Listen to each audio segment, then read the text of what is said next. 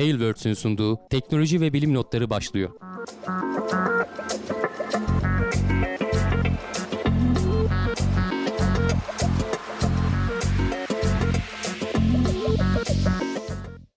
Teknoloji ve bilim notlarına hoş geldiniz. Ben Hamdi Kellecioğlu. Karşımda Volkan Ekmen var. Her hafta olduğu gibi teknoloji ve bilim dünyasından gözümüze çarpan haberlerle karşınızdayız. Nasılsın Volkan? Çok iyiyim abi. Teşekkür ederim. Seni sormalı. Sen de iyisindir umarım. Ben de iyiyim. Keyfim yerinde. Yeni yıla keyifli girmişsin herhalde sanırım. Çok inanılmaz e, coşkulu bir yıl bekleniyordu bize. Karşıladık biz de onu. O da bizi karşıladı. Saydın mı Kucaklaştık falan. 19-8 diye? O ara tam adam vuruyorduk gene Warzone'da. Sayamadık ama olsun. Senden de başkası beklenmezdi zaten. E, yok yok ya. Şey yok ya. Sıkıntı yok. E, gün- aynı günün laciverti işte. Yani hiçbir şey değişmedi ama güzel. Hani insan bir mutlu oluyor. Yani bir yıl daha mı gördük diye. evet evet. 2023 e, sonunda da bakalım iyi mi çıkacağız kötü mü? Umuyoruz ki herkes için güzel bir yıl olur. Evet Temennimizi artık hani umut, olalım. umutların yeşerdiği yıl olması dileğiyle diyelim. Biraz hani ekonomik öyle. durumlar falan sıkıntıda insanlar daralmıştı. Hani çok da umutlu değiliz ama yani belli olmaz. Çıkmadık candan umut kesilmez derler ya. Biraz da o gözle bakmak lazım. Kesinlikle. Ee, az önce kuliste de konuşuyorduk hani haberlerimiz çok fazla değil diye yurt dışında işte batı tarafında tatil olduğu için genelde bizim haberler de oralardan geldiği için ee, biraz daha belki kısa bir bölüm olabilir bugün. İstersen hemen başlayalım senin söyleyeceğin bir şeyler yoksa. Evet abi o zaman ilk haberimizle e, başlıyoruz bakalım. E, Artemis 1'den bir haberimiz var. Fırlatılan küp uydular vardı onun içinde 10 tane kadar. E, o uydulardan bazıları abi e, sıkıntı orada ama ala kurtarılmaya çalışılıyormuş. E, neler var? Yani Artemis gitti orada bir ay kaldı döndü üzerinde işte helvasını yedik bilmem ne falan her şey geçti. Hala ama bilim insanları ve o gönderilen küp uydulara çabalayanlar var. Ee, NASA'nın hani, e, fonladığı Luna Map diye bir e, araç e, küp uydular. Hani 10 tane de senin dediğin gibi bunlardan 10 tanesi fırlatılmıştı. Bazıları hiç e, geri dönüş yapmadı. Bazıları hayata döndü şey yaptı. Hayata döndü diyorum çünkü biliyorsun ertelendikçe bunları içerisinden çıkaramadılar. Pilleri bitti mi acaba vesaire falan diye endişeleniyorlardı. Ee, bunun pili bitmemiş. Hani %70 seviyelerinde falan rapor etmiş kendini ki hani e, görevin başındakiler şey diyorlar. Hani beklediğimiz en iyi seviyeydi diyorlar. Zaten kendini de şarj etmiş sonrasında. Tam e, ay yörüngesine girecekken bu aletin üzerinde e, işte çeşitli e, cihazlar var. Ayın e, yüzeyindeki su e, şeylerini suyu inceleyecekti sözde. Hı hı. E, Hı ama yörüngeye girebilmesi lazım tabii. Gerçi yörüngeye de girememiş ama yanından geçerken gene test etmişler. Hani üzerindeki o alet de çalışıyor. Hani bilimsel payload da çalışıyor, yük de çalışıyor. Ama yörüngeye girmesini sağlayacak iticilerde sıkıntı çıkmış. Dolayısıyla ilk e, fırsatlarını kaçırmışlar. Tabii tamamen kaptırıp gitmiyor. Hani belli bir demek ki ayın çekimine katılmış, kapılmış. E, bir fırsatımız daha var diyorlar. Hani e, eğer şeyi başarabilirlerse e, muhtemelen valflerden biri o e, yakıtı sağlayan valflerden biri sıkışmış, o, yapışmış diyorlar daha doğrusu. O, bu yapışma sorunundan e, haberdardık. Ama işte biraz fazla bekleyince herhalde beklediğimizden fazla yapıştı diyorlar. O artık nasıl bir e, ne denir şey varsa conta gibi bir şey varsa orada e, biraz fazla yapışmış. Isıtarak vesaire falan hani onu açmaya çalışıyorlar şu anda. Eğer başarılı olurlarsa e, ayın yörüngesine girecek. Artık işte yakıtı el verdiği sürece e, pilleri el verdiği sürece yörüngeden kontrol sağlayacak. Dediğim gibi hani Artemis bir görevi yapıldı bitti dünyaya döndü işte e, son derece başarılı oldu diyoruz ama hala onunla beraber giden ufak tefek uyduların bu küp uyduları e, toparlamaya çalışan bilim insanları da var. Çok büyük maliyetler değil bunlar hani ucuz oluyorlar ama gene de çalışabilenler varsa e, alabileceğim bütün bu dataları almakta fayda var. E, çöpe atılacak bir şeyler değil. Onun dışında mesela Japonların bir aracı vardı. E, bu arada hani biz Ay- Ay'a sert iniş diyorduk ya yarı sert iniş diye de bir şey varmış. Onu da İndirmeye çalışıyor olduk. gibi. Ha bilmiyorum yarı sert iniş nasıl oluyor? Semi hard landing diye geçiyor. Yani çarp inmeye çalışıyor ama çarpıyorum. Nasıl oluyor? Yani hiç aklım almadı. Hani ya sert iniş olur ya yumuşak iniş olur. Yarı sert iniş garip bir şey. Yani böyle sekerek mi iniyor artık neyse. Onu deneyeceklermiş. O araç mesela hiç e, şey yapmamış. Tamamen pilleri bittiği için şarj da edememiş kendini. O Sertilmiş tamamen herhalde. Ya- Yarısı falan iptal. evet Komple evet yani olabilir. Ee, yok hiç muhtemelen ayın yörüngesine falan Yani da mı tamamen görmedi? e, kaptırdı ya, gitti neyse. ne oldu. Hani haber de alamadığın için nerede olduğunu falan da bilemiyorsun. O yüzden İyi iyi tamam yapacak bir şey. yok. e, belki hala yani önümüzdeki haftalarda da bu Artemis'in artıklarından e, haberdar olmaya devam edebiliriz gibi görünüyor. Hmm, Yani o çok bekledi abi işte. Yani orada o bazıları işte pil problemleri falan kötü oldu. Ama tabii hepsi için birer tecrübe sonuçta. Hani bunlar küpoydu, küçük girişimler. Onların da etkisi var. Ee, öğrendikleri çok şey vardır diye düşünüyorum.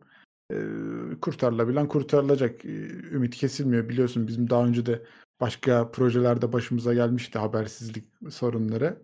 Ee, daha sonra çözülmüştü ama belki bunlarda da öyle bir şeyler yaşanabilir mi? Ee, bakıyor oluruz ayrıntılarına. Chat'te neler olmuş bakalım. Ee, Hikmet demiş ki normalde podcast dinlemeyi tercih ederim ama yılın ilk yayını canlı olsun bari dedim.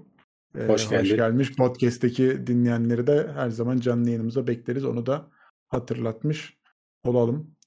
Chat GPT'ye sorun demişler. Yarı inişi. Yarı sert inişi. Yarı sert iniş ama yani şey tuhaf değil mi abi? Harbiden hani Ya Tam böyle ne olduğu anlaşılmıyor An- yani. Hakikaten ben anlayamadım. Hani bilenler varsa yazsınlar. Aramadım da Ay, gerçi. in- Belki Google'da hani bilindik bir şeydi. deniyoruz ama işte yani indirmeyi deniyoruz ama tam da vurursak da ayıp olmasın. İşte o ser, sert iniş olur. Hani onun yarısı Yani nasıl evet. oluyor onu anlamış değilim. İyiymiş iyiymiş. Sıkıntı yok. Ee, devam edelim haberlerimize. Neler var neler yok. Şimdi uzay Çok fazla madenciliği, uzay haberi yok zaten bu hafta. Hı, yok, yok zaten. Bir olduğu için. uzay madenciliği konusu var. Ee, gündemlere geliyor ara sıra. İşte insanlar ne düşünüyor bunun hakkında demişiz. Neler düşünüyormuş abi insanlar? Evet şimdi dediğin gibi uzay madenciliği ara ara gündeme geliyor. Yani yakın zamanda hemen olacak bir şey değil ama bilim insanları şeyi araştırmışlar. Kamuoyu bu konu hakkında ne düşünüyor diye. Çünkü neden? Şimdi madencilik dediğin zaman aslında hani biraz böyle çevreye verdiği zarardan falan bizde de hep tartışma konusu olur. İşte böyle mesela altın madenleri işte siyanürlü altın çıkarıyorlar falan diye hep böyle protesto olarak konu olur. Zaten madenciliğin kendisi zor bir iş. Hani işte göçükler oluyor, bir şeyler oluyor falan altında kalanlar oluyor, hayatını kaybedenler oluyor.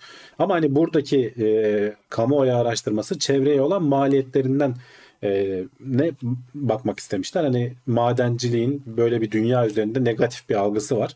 Çevreye zarar veriyorsun vesaire diye. Acaba demişler hani bu uzay madenciliğinde insanlar ne düşünüyor? Asteroid madenciliği olsun işte aydaki madencilik olsun. Hakikaten de aslında hiç araştırılmamış alanlardan bir ilginç bir şeyi araştırmışlar aslında.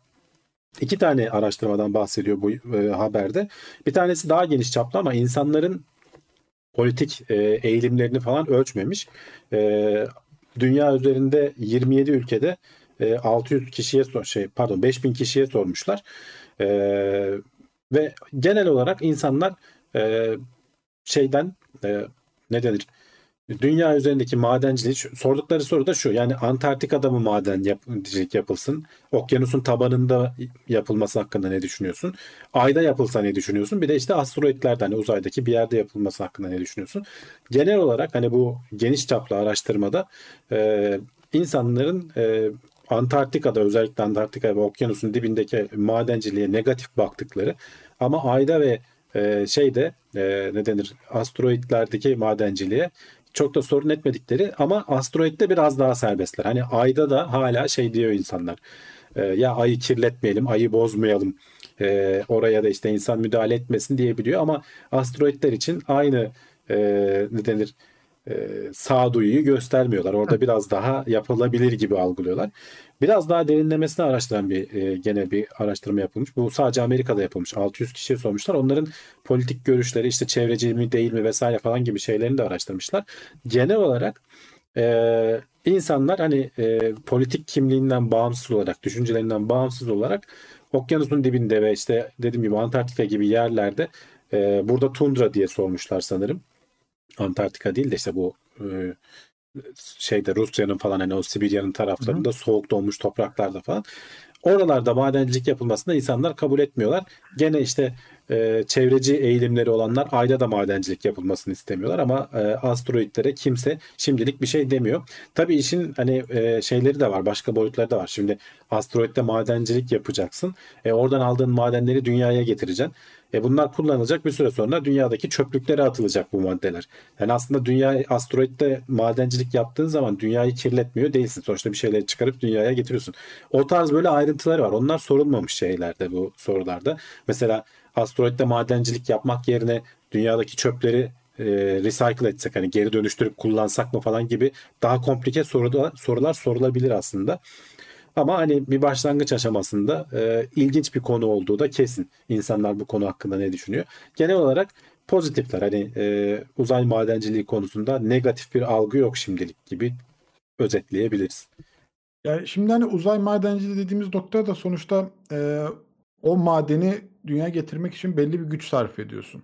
Yani Tabii. bu orada orada öğrettiğin o enerjiye karşılık oradan alacağın verimlilik düşük olabilir. Hatta mesela dü- dünyaya daha çok zarar verebilirsin kutupları delip maden çıkarmaktansa. E, hani orada yakacağın karbon işte bilmem ne onun yan etkileri, üretim prosesinde işlenen süreçler bilmem neler. Hani bunlar da dünyaya zarar verebilecek etkiler. Ee, hani soruyu cevaplayacak kesimin de belli bir yetkinliği olması lazım bence bu soruyu sordukları kesim için konuşuyorum yani. Hani adamın bunların hakkında bilgisi var mı ya da bunlar daha önceden adama anlatılmış mı bu konular? Ondan sonra karar vermek lazım. Hani uzay madenciliği mantıklı mı veya değil mi diye. Ki zaten bence hala günümüzde e, karlı bir iş değil ki sadece Şu işte böyle değil bizim canım. yani önümüzde böyle soru olarak kalıyor. Yani bir altyapısı falan da yakın zamanda gelişir mi bilmiyorum. Hani uzaydan gidip de bir maden getirdik. Ya bu alanda şeyler var. Firmalar var hani Var, var. e, araştırma yapan, çalışmak isteyen hatta işte üniversitesinde Hı. bazen bölüm açıldığını falan gibi biz geçmişte konuşmuştuk. Hı. Kısa vadede olacak bir şey değil. E, pek çok önünde engel var. E, ama işte ay olayları mesela hızlanmaya başladı görüyorsun. İşte gitti, geldi vesaire Artemis görevleri falan. Oralarda hı. ufak ufak belki ay üzerinde başlar. Hani asteroidi e, denk getirmek daha zor şu anda. E, ama belki ay üzerinde başlar. E, ama tabii bunların araştırmalarını şimdiden yapmak lazım. E, Ya öyle bir de ben bir grup şimdi- bilim insanı da bunun peşine düşmüş işte. Hani e, madencilikte bence benim gözümde hala en önemli maden kaynağı enerji verebilen madenler. Yani işte hani atıyorum mesela bir elmas getirdik. Dünyada ekonomiyi değiştirdik boyutu ne kadar gerçekçi? Baktığım zaman bana çok mantıklı gelmiyor ama işte enerjiyi üretebileceğimiz madenleri dünyaya getirmek. Ama ne kömür mü yani? Enerjiyi üretebileceğimiz işte madenlere ki yani ihtiyacımız işte yok ki hani onu- oradan getirmeye. Enerjiyi işte zaten mesela- hani güneş enerjisinden veya işte füzyondan vesaire falan üreteceğiz Ama artık yani yakın yurt- zamanda. peki yani asteroitten getireceğimiz hangi madenin bize bir faydası olacak? Bizim neyimiz Ya işte eksikti biz hani- asteroitten? Ya mesela lityum dünyada az yani. bulunuyor. Yani lityumu Hı. belki oradan getirebilirsin. Bu, Tamam bu lityum da aslında baktığın zaman hani enerjiye yönelik bir maden. Hani Ya e, tabii ki canım yani hani Hani o açıdan söylüyorum. ama evet, de. üretme Hani- anlamında değil. Hani enerjiyi depolama anlamında pillerde Tamam kullanıyoruz ama işte hani gene bir şekilde onunla bağdaştırıyorsun. Mesela hani elmas getirelim hani şeyden madencilik yaptık, elmas çıkardık, getirdik. Şimdi bunun bize ne faydası olduğu konusunda benim kafamda Ya soru şöyle e, bize bir faydası yok. Hani getiren adama faydası var. Zengin olabilir diye. Ama Ha, orada şöyle bir şey var. Bunların hani zaten hani e, karlılığı az bulunmasıyla alakalı olduğu için hani çok bulur, çok satarsan e, şeyin düşer. Mantığı E, kalmaz yani. kazancın düşer evet yani bir mantığı kalmaz. O yüzden mesela dünyada bile hani e, bulunduğu zaman o elmasları o kadar hızlı çıkarmıyor falan gibi söylentiler vardır. Bilmiyorum doğru mu değil mi? E, bu işin başını tutanlar. Çünkü hani az bulunabilir olması zaten değerli yapıyor. E, belki öyle şeyler yapılabilir. Dünyaya getirmek yerine ayda kullanmayı tercih edebiliriz. Yani veya gittiğimiz yerlerde kullanmayı tercih edebiliriz. O anlamda Olabilir. ihtiyaç olur. Hani dünyadan oraya e, işte şey taşımaktansa e, malzeme taşımaktansa ayda k- kazısını yapıp ayda kullanırsın. E, üretim tesislerinde vesairede falan veya asteroitlerde doğrudan üretip son ürünü belki dünyaya getirirsin. Hani bu işin gelecekte olacağı, varacağı yerler bunlar aslında. E, ama şu an için e, biz hani hep madencilik dediğimiz zaman sanki hani ham maddeyi dünyaya getirecekmişiz gibi algılıyoruz ama öyle Evet, değil evet. Yani işte hani o yüzden söylüyorum hani böyle bir sadece getiren kişiye karı olacak e, yatırımlara ben de sıcak bakmıyorum madencilik açısından. Yani adam getirdi elması burada sattı tam ona karı var ama bunun bir dünyaya da geri dönüş olarak ne verdi bu adam? İşte karbon saldı, e, doğal Tabii. kaynakları tüketti. Çünkü orada yakıt üretti, bilmem ne onları kullandı, tüketti. Aslında dünyaya bence daha çok zarar verdi. Yani o açıdan baktığın zaman ben sıcak bakmıyorum. Ama işte hani ne buradan e, 10 litre yakıtla gittik, dünyaya 100 litre yakıt getirdik. Benim gözümde karlı bir ticaret. Niye? Çünkü hani dünyada da ki çünkü enerji krizi de büyük bir kriz ya. Buna da çözüm arıyoruz. işte füzyon reaktörünü konuşuyoruz, başka bir şeyleri konuşuyoruz. Hani o açıdan zaman dünyadan daha karlı olabilecek enerji kaynakları bana mantıklı geliyor. Yani altın mesela altın bulup kablo yapalım demişler. Olabilir belki. Hani bir mantık. Enerji çünkü orada daha verimli iletmiş oluyorsun. Ya işte Yine- ama çökertir Hı. yani sistemi. Ee, çökertir, altın üzerine dönen çökertir. ekonomi sistemi var yani Ha, hani kabloyu hani mesela- yaparsak. İşte getirirsen bence zaten satmazsın da bu, bu şekilde. Hani o kadar çok getirdik ki abi bütün dünyayı değiştireceğiz. Ha, o zaman niye Hani getiriyorsun? Ha, Kullanmayacaksan. getirmez yani evet evet hani şey yapar adam onu ya da getirir Evet, evet. depolar Yok ya dediğim gibi hani bunun daha mantıklı senaryosu gittiğin yerlerde kullanmak üzere Hı. e, çıkarmak. olabilir olabilir evet hani bütün dünyadan götürmekten daha ucuza gelecekse ekonomik açıdan mantıklı geliyor bana da açıkçası. Evet. Ee, başka ne demişler? Ee, Ayda elmas bulunma ihtimali nedir? Sonuçta kütlesi düşük olduğundan karbonun o kadar sıkışması zor gibi demiş Eyüp Akman. Yani O kadar- bilmiyorum ya o kadar yani kütlesi düşük ne kadar İyidir düşük ya. yani. Evet evet. Hayır belki doğrudur ama e, şey, ayın sonuçta hani dünyadan kopup oluştuğunu tahmin ediyoruz. Belki o göktaşı hani büyük göktaşının çarpıp oluşma esnasında e, belki oluşmuştur e, bazı şeyler hani ayda elmas olabilir. Olmaz diyemem.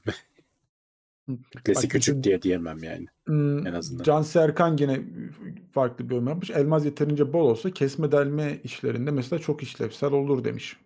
Yani evet mesela Evet. bilmediğimiz bir alan. Hani orada Yani ama laboratuvarda falan ür- üretilenler var. Hani bilmiyorum maliyetleri çok mu yüksek oluyor? O, o Hı hı. tarz elmasların laboratuvarda üretilen versiyonları var. Hani ihtiyaç olsa muhtemelen onlar daha ucuz hale gelir Hı. diye tahmin ediyorum ben. Yani dışarıdan uzaydan getirmeye göre. Hmm. Tamam. Devam edelim. Başka neler var elimizde haberlerde?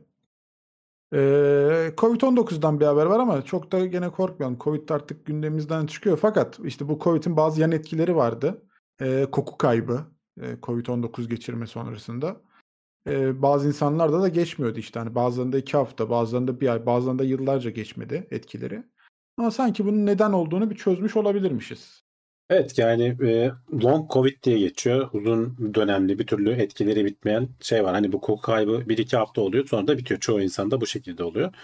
Ama hani bir türlü aradan bir yıl, iki yıl geçmesine rağmen e, koku kaybını dan kurtulamayan insanlar var. Hı hı. Bunlar üzerinde bir araştırma yapmışlar. 24 kişi üzerinde burunlarından doku almışlar ve o koku almayı sağlayan nöronların e, daha az olduğunu tespit etmişler burunlarında.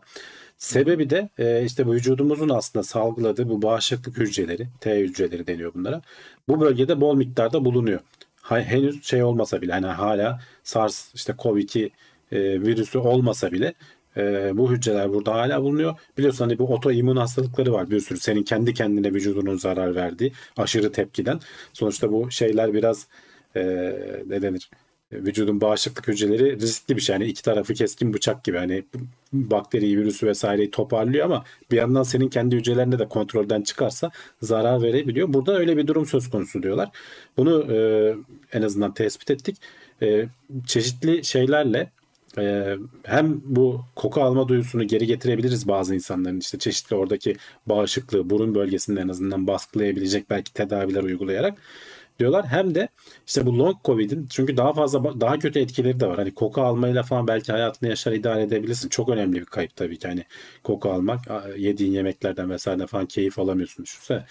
Ee, veya daha hatta bazılarında kötü de geliyor bazen. Hani normal bir koku bayağı e, kötü bir kokuymuş gibi algılayanlar olduğunu söyleyenler de var. Hayatı etkileyen ama hani seni öldürmeyen bir şey ama daha kötü işte. Sürekli yorgunluk öyle e, long covid'in öyle şeyleri de var e, semptomları da var. Sürekli aşırı yorgunluk hissedenler işte beyninde e, hani şey denir ya kafam sepet gibi hani böyle bir çeşit sis bulutunda yaşıyormuşsun gibi e, yaşayanlar. E, bunların hep vücudun aslında kendi kendine hani covid bir vuruyor geçiyor. O esnada vücudu tetiklediği bağışıklık hücreleri bir şekilde sana kendi kendine zarar veriyor diyorlar. Bunu işte pek çok bilim insanı araştırıyor şu anda. Hala bir çözüm getirebilmiş değiliz. E, muhtemelen dediğim gibi vücudun e, otoimmün tepkileri bunları nasıl baskılarız, nasıl azaltırız bunları araştırıyorlar. E, hakikaten hayatımızı değiştirdi, etkiledi. E, etkilerini de hala hissetmeye, e, ilk günkü kadar hissetmeye devam eden insanlar da var. İnşallah da Bak- geri gelmez diyelim. Henüz hani şu anda gündemimizden çıktı ama Çin'de falan insanlar kırılıyorlar. Evet orada bir tuhaftı yani o kadar baskıcı rejime, rejime karşılık e, yayılmaya da devam ediyor ilginç bir şekilde. E, çok da sert e, önlemler var aks- aksine ama bilmiyorum. Belki acaba hani oradan e, kalabalık nüfusun da etkisi var anladığım kadarıyla. İnsanlar daha iç içe yaşıyorlar. Bizde o kadar kalmadı ya. Ben çevremde hani Covid oldum değil de domuz gribinin geri geldiğine dair e, çevremde hastalanan Evet evet yani o grip bu sene yani yani. insanları Evet. bayağı etkiliyor. Ee, ama hani zaten hep şey derler ya aslında hani Covid çok etkiledi bizi hayatımıza ama grip de her sene bir o kadar insanı öldürüyordu diye e, yaşlılar falan hala risk grubundalar. E, onların dikkat etmesi lazım. Brave bak ilginç bir soru sormuş. Duymayanlara sağır, görmeyenlere kör denirken koklayamayanlara ne denir diye. Bunun bir terimi yok herhalde. Ben duymadım. Bilen varsa yazsın. evet kok ama koklayamama kaybı da çok şey ya böyle hani Çok yaygın bir şey değil. değil. Bir kere. de yani hayatı herhalde o kadar etkiliyor mudur? Etkilemiyor. O yüzden muhtemelen kelime uydurmamışız bile yani onunla ilgili.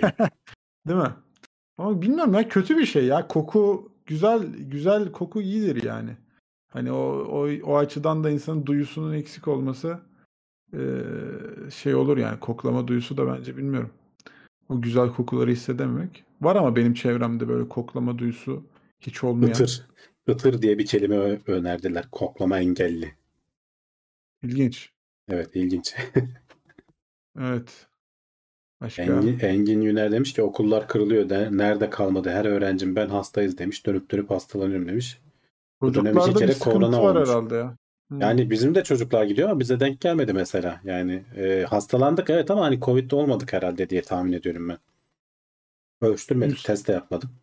Ünsal Anoğlu da demiş ki koku ile tat birbiriyle bağlantılı değil mi? Evet. Bazı bağlantılar var Bağlantılı. mesela. Yani o Tabii tabii. kokuyu alamayan adam acaba o yemeğin tadından Alamıyorsun tam canım yani şimdi. aldığı zevki Hani alıyor mu acaba? ilkokulda falan klasik deney vardır ya burnunu kapattırırlar. Patates yersen, elma yersen aradaki tadı alamıyorsun. Onun kokusunu alman lazım. Hmm. Bayağı tatsız tuzsuz patatesi elma gibi yiyorsun katır kutur. İkisinden de aynı şeyi alıyorsun. Yani kokuyla tat çok birbirine birlikte olan bir şey. Ama mesela hani elma seviyorsa patatesle bunu giderebilir mi? Bunu yani? giderebilirsin. Bu elma bulamayan patates. Ama burnunu yese- kapatsın. Ee, Değil mi? Evet. Olmayabilir ya. Kokusunu alamadıktan sonra zor olabilir yani. Acı biberi yedin mi her türlü alırsın. Koku şart değil. O ama ayrı bir o katman yani. Tabii tabii canım. Yani Aa, acı, acı- acı biberi alabiliyorsun şey canım. yani. Acı hissi başka bir şey. Ya da kestane mi? Kestane daha şey ya. Pahalı bir de yani. Olmaz. Patates ucuz. Evet. Ebeveynler ekran başına diyorum.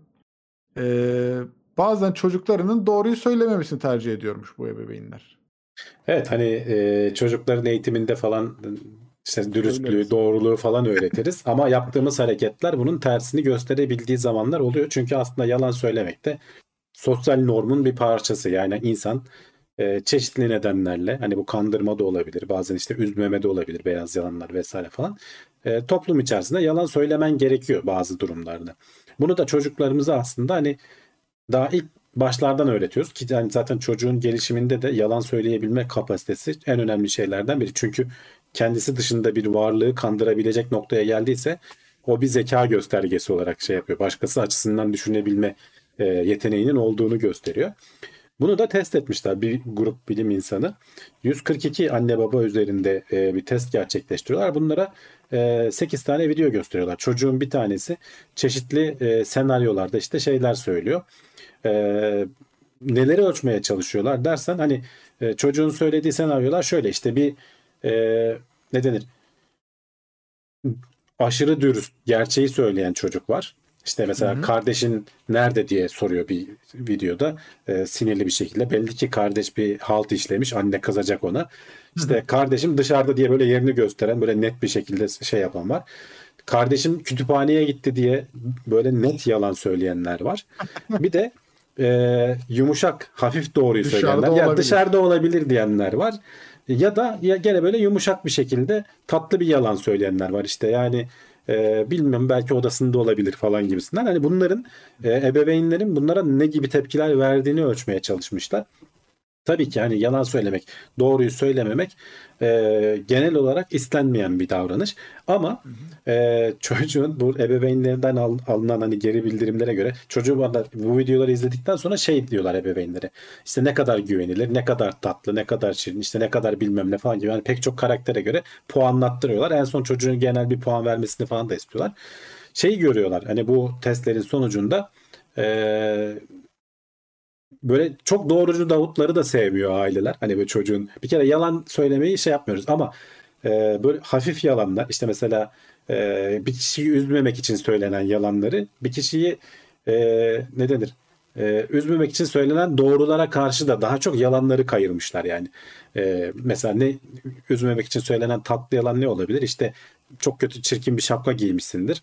E, doğrudan hani böyle pat diye ulan ne biçim şapka giymişsin diyen çocuğu sevmiyor kimse ama ya işte rengini beğenmedim diye böyle tatlı tatlı yuvarlayan çocuğu e, daha çok şey yapıyorlar hani destekliyorlar. Bu da işte dedikleri nereye varıyor buradan dersen bu araştırmanın sonu. Dedikleri yani sosyal e, bir çevrede aslında çocuğun öğrenmesi gereken yetileri biz e, sözlerimizle olmasa bile davranışlarımızla ister istemez bunu çocuğa öğretiyoruz. Çocuk da bir yerden sonra anlıyor. Ha ulan ben her zaman doğruyu söylediğim zaman en iyi sonucu alamıyorum. Arada böyle tatlı tatlı e, üzmemek için yalanımı söyleyeyim hissini senin sözlerin değil belki ama davranışların ister sen de farkında olmadan bunu yapıyorsun. O çocuğa daha bir böyle bir şeylik duyuyorsun ne denir sevecenlik duyuyorsun hani böyle seni üzmemeye çalışan kibar davranmaya çalışan ama aslında düpedüz yalan söylüyor falan yani. Ama bu dediğim gibi hani hayatın sosyal bir varlık olmanın bir parçası aslında. Yani e, şimdi Acımasız doğruluğu sevmiyor kimse yani öyle dokuz Evet, köyden evet, hani kovulur ama- durumu var ya yani. ama hani insani bir yönü de var yani yalan söylemenin. Çünkü sen de diyorsun başkasının çıkarını da gözetmek zorunda kaldığın durumlar oluyor bazen. Tabii. E, karşıdakini kırabilecek durumlar oluyor bazen. İşte onlardan kaçınmak için beyaz yalan dediğimiz bir tabir var yani belki de oraya sığınıyorsun işte hani o sonuç yalan ama hani birini üzmemek için söyledin. Evet. E, oluyor. Bak- Demek çocuklarda da bu var. Bak Hakan demiş ki dobra dobra yetişen çocuklar belirli bir yaştan sonra patavatsız oluyor. Evet işte o, o öyle deniyor bir yerden sonra. Olan her şey böyle langadanak söylenmez patavatsızlık etme noktasına geliyor yani. Onu öğreniyorsun. Öyle öyle. Ee, Ama hani bir de bir, biraz da hani yalanın da bir zeka göstergesi olduğuna dair bir şeyler var. Yani yorumlarda da söylemişler. Tabii tabii. Ee, İşte o başkasının onu- yerine kendini koyabilmen lazım evet evet yalan koyabilmek söyleyebilmen hani o, için. o, o da önemli bir yani çocuk için bir gelişim kriteri sayılır mı? Sayılır. Belki de ebeveynler hani o yüzden şey yapıyor. Hani sivri zekalı hani anında yalan söyleyebiliyor o yaşta bile. İleride neler söyler hangi pozisyonlara gelir diye e, iş hayatında düşünüyor olabilir yani bilemedim şimdi. Ee, Mahmut demiş ki çocukken ablam bir şey kırınca Mahmut kırdı diye üstüme atarmış. Ben küçüğüm ya demiş. o, o Evet. çok şey olmamış. Masumane yalan olmamış. Yani o direkt Zaten şey diyorlar hani araştırmada da eğer kendini kurtarmak için söylüyorsan o zaman hani dürüstlüğü tercih ediyor bütün ebeveynler. Değil mi? Ama başkasını korumak için yaptığın e, bu ufak yalanlar hani orada da mesela e, bariz yalan söylüyorsan gene sevilmiyor ama böyle küçük yalanlar daha hoş karşılanıyormuş. Hı. Ama kendini korumak için yaptıysan o yemiyor kimse onu. Öyle ya. Benim oğlan çok fazla hayır diyor. Şimdiden hayır demeyi öğrendi. Hayır demek iyi bir şey ya. Bazen çok evet demenin sıkıntıları Evet var evet yani. yani yeri Hayır geldiği zaman demeyi de- hayır diyebilmek Hayır lazım da diyebilmek önemli yani. her şeye Ama hayır bir de- deyince de çocuk olmayabiliyor yani bazen. Bir de şey var ya Hayırcı diye bir film vardı ya Jim Carrey'nin. Ee, Ha. hatırlıyor musunuz onu bilmiyorum. Hayır Şey, diyemiyor yalan- muydu neydi evet mi demesi Şeydi, gerekiyordu. ev- evet? Bay evet miydi? Öyle bir şeydi. Evet, evet. yani. Evet diyemiyordu bir şeylere. Bay evet evet. Güzel filmdi ya Jim Carrey. Kaç? Yalancı 60 yalancı diye 60 de küsürleri geçti Şey herhalde. vardı o onun. Hı hı. Hiç yalan söyleyemeyen bir adam böyle bir O da o bir şey oluyor. avukat evet. Gene O Jim Carrey. Gene Jim Carrey'in, evet. Avukattı yalan söyleyemiyordu. Jim Carrey güzel abimiz. yaşlandı ya do- doğru. Hepimiz yaşlandık bu arada. 60 küsür, 60 Yaşlandı dedik de geçtiğimiz geldi. hafta Pele hayatını kaybetti. Hani hep Hmm. biz çok izleyemedik bizim yaşımız itibariyle hani onun futbolunu izleme zamanları olmadı ama sonuçta bir efsaneydi. Efsaneler yavaş yavaş aramızdan ayrılıyor. Bu demek ki biz de yaşlanıyoruz. Ya Pele'ye şimdi bilemedim ya. Benim zaten yaşım hiç yetmez. Sen de az buçuk hatırlıyorum diyorsun. Yok ben ben hiç hatırlamıyorum. canım. Ben de o izlemedim. kadar değil mi? Biz ben Maradona'yı hatırlarım yani. O da öldü zaten de. Değil mi? Bizim çocuklar işte Messi'den falan bahsedecekler. Yarın bir gün Messi de ölmüş dediklerinde biz de herhalde ben de Size üzülünür. e, Neyse yaş, ya, yaşlarımız aşağı yukarı tutuyor. Benden genç tabii de. Olabilir. Neyse üzülünür. Evet devam ediyoruz. Başka neler var? Ee, derin can sıkıntısı hissetmek aslında kötü bir şey değil. Hayda. Depresyona mı girelim? Ne yapalım abi şimdi? Depresyon değil, derin can sıkıntısı. Canın sıkılacak. O kadar Hı hı. sıkılacaksın ki e, bir yaratıcılık gelecek bir yerden sonra. Şimdi Oo, burada tamam.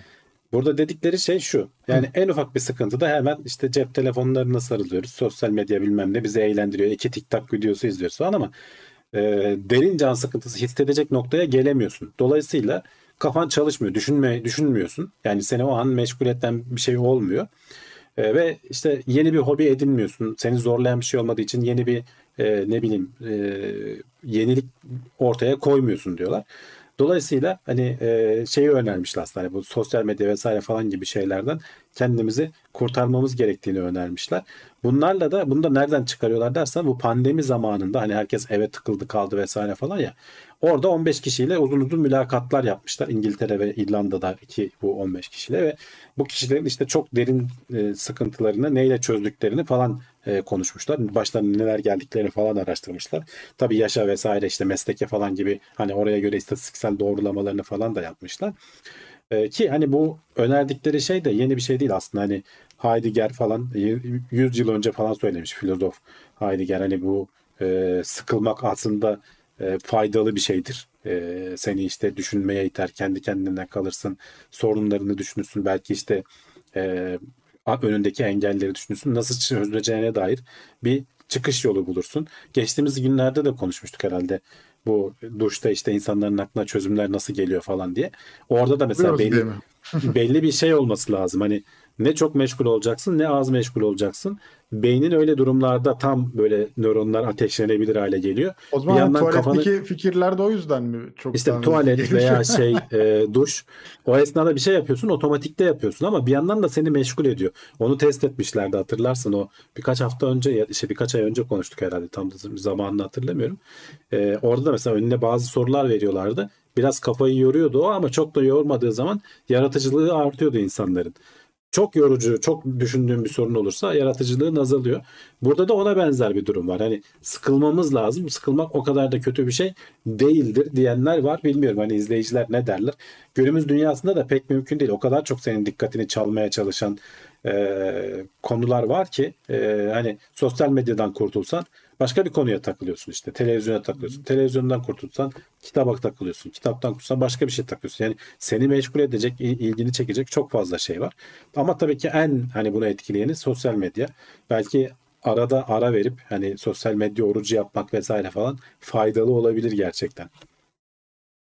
Ya konu e, anlatıldığı zaman daha da böyle akla yatkın bir hale geliyor şimdi. E, dediğin gibi hani o etkisini ben kendi üstümde hissediyorum. Belki de hatta şey daha iyi. Hani mesela çok can sıkıntısı diyoruz yani. Belki o az can sıkıntısı aslında insana daha da derinden yaralıyor olabilir. Hani sürekli ya böyle bir ufak bir sorunum var ama bir türlü de çözemedim. Çözmek için de adım da atamıyorsun. O sorun sürekli seninle beraber devam ediyor. Ama işte hani bir yandan da baktığın zaman işte diğer hale geçtiğin zaman o çok senin canını sıkmaya başladığı zaman bir adım atasın geliyor harbiden. Onu yaşıyorsun. Belki belki kötü bir sonuca varmaya çalışıyorsun. Ee, etkisi var insanın üstünde. Benim kendi gözlemlerim o yönde. Evet. Ee, fazla odaklanma yaratıcılığa ket vurabiliyor demiş. Bir pedal robot. Evet zaten hani onu da öneriyorlar. Hani bir şey bir konuyu bir türlü çözemiyorsan bir bırak bir turda bir spor yap gel bir dolaş gel bir şey yap hani başka bir şeyle uğraş sonra Hı. tekrar gel derler ya. O esnada onun bir hakikaten bilimsel temeli de var. Yani o, o esnada beynin farklı bağlantılar kurup geri döndüğünde bir şekilde daha önceden düşünemediğin şeyi düşünür hale gelebiliyorsun. Bir çözüm bulabiliyorsun. Hı hı. Ee, uyku tutmazsa ne sorunlar çözüm buluyorum. Trafikten tut tarıma kadar demiş. İlginç. Güzelmiş. Evden çalışmak çok sıkıcı, iş yerinden çalışmak güzeldi demişler. O da güzel. Hiçbir sosyal medya kullanmayan ben ne yapsın demiş Brave. Sen yeterince sıkılıyorsundur o zaman Brave zaten. Sorun yok. Sıkılmaya devam. Acaba sıkılmaya vakti oluyor mu bazen? Şimdi onu da merak ediyorum. Ee, Evet. Devam edelim bakalım başka neler var bugünkü haberlerimizde. Ee, farkındalık meditasyonu aksiyeteye karşı bazı antidepresanlar kadar etkili olabiliyor. Evet Abi bu çok e, farkındalığı şey, evet. Şeyi duymuşsundur hani çok bu aralar geçiyor mindfulness diye de geçiyor. hı. İngilizce Türkçesi de farkındalık diye yanlış çevirmediysem eğer hani ben öyle biliyorum. E, farkındalık meditasyonları işte anın yani yaptıkları olay da aslında gene buradaki bir önceki haberle biraz ilişkili bu. E, seni sürekli böyle dikkatini çeken şeylerden bırak bir kendine odaklan bir ana odaklan bir e, kendinin farkında ol, düşüncelerinin farkında ol falan gibi böyle e, bir çeşit bunu işte biraz daha başarılı yapan bunun çeşitli teknikleri falan var. Meditasyon noktasına kadar getirebiliyorsun işi.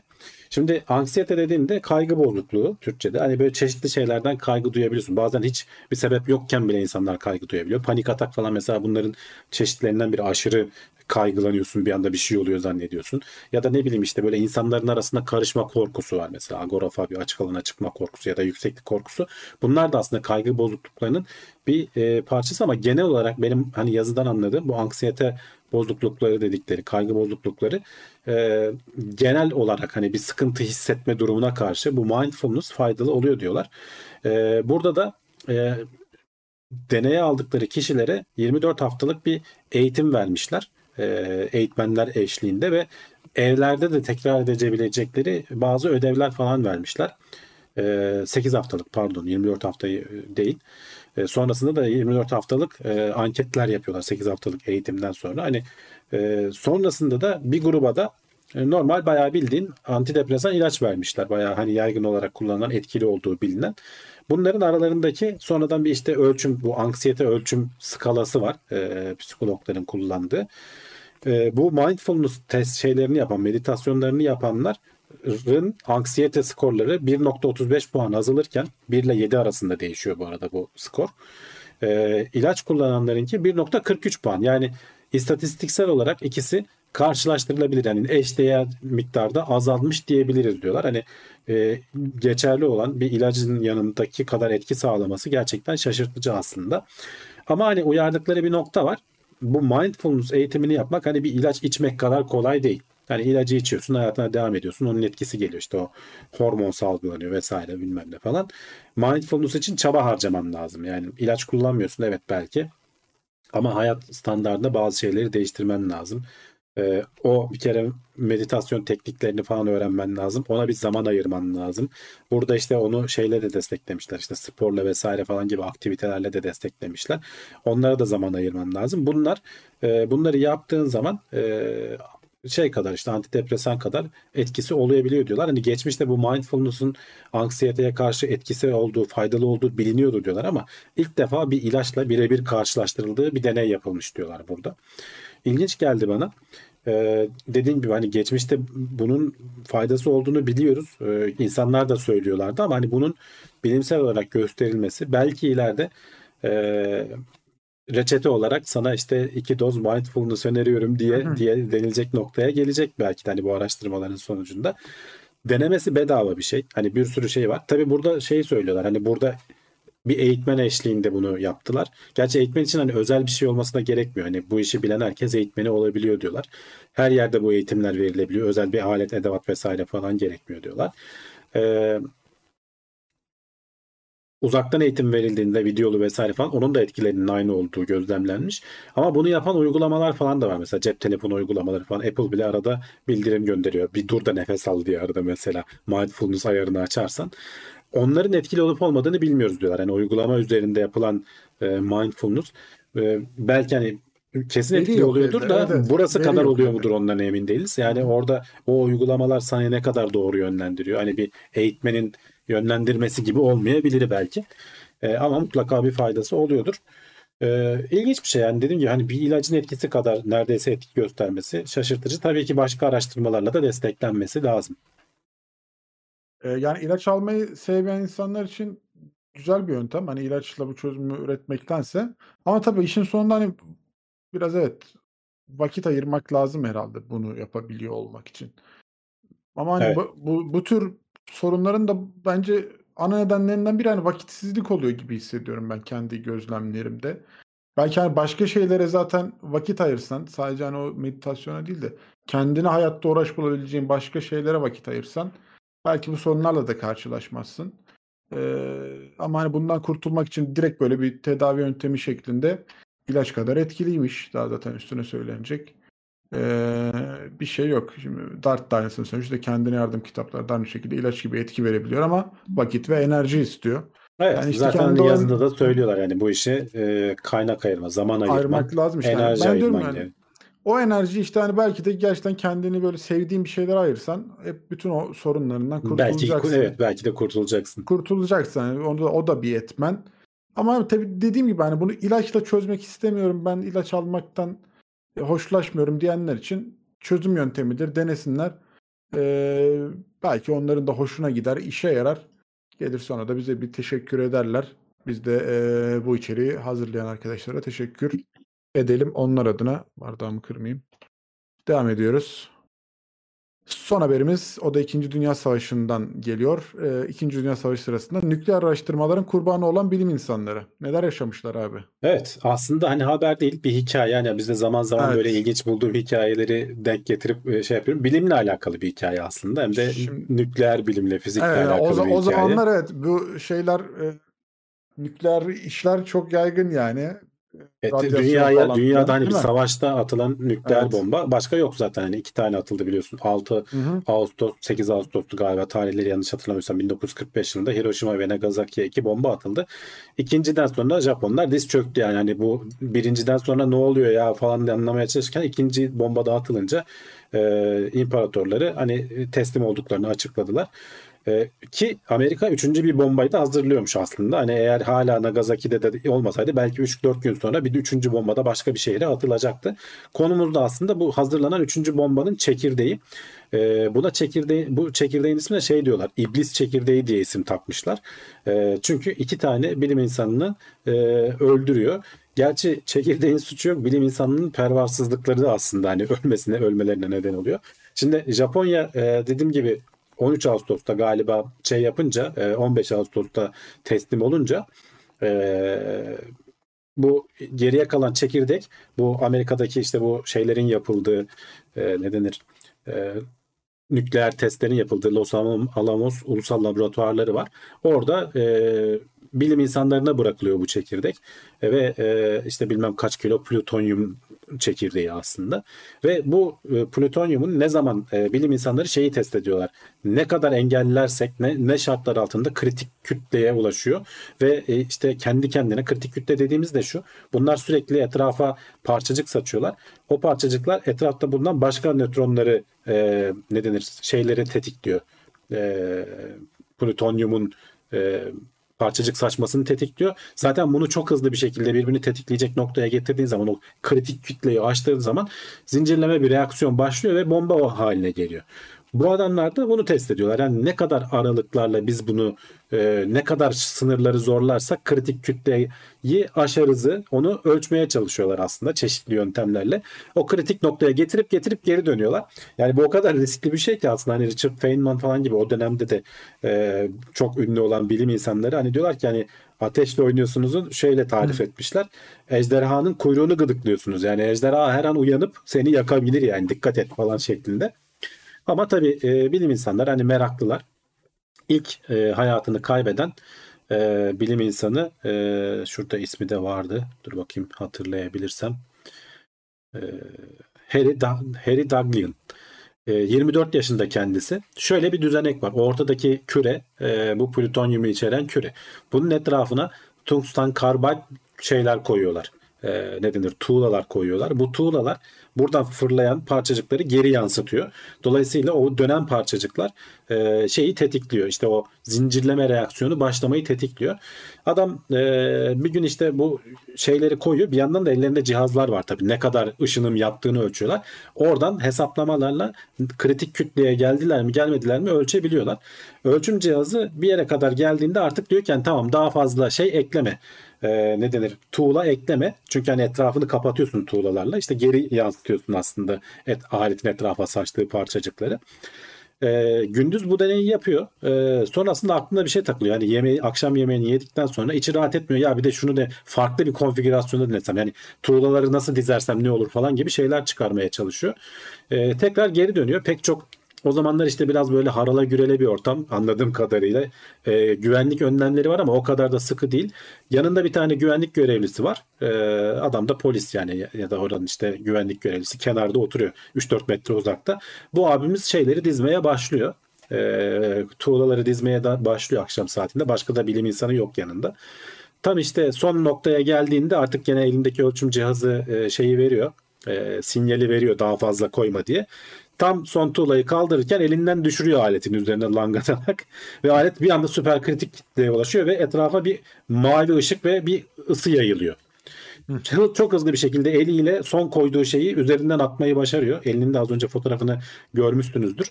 Anlık olarak tabii elinde bir sızlama hissettim diyor.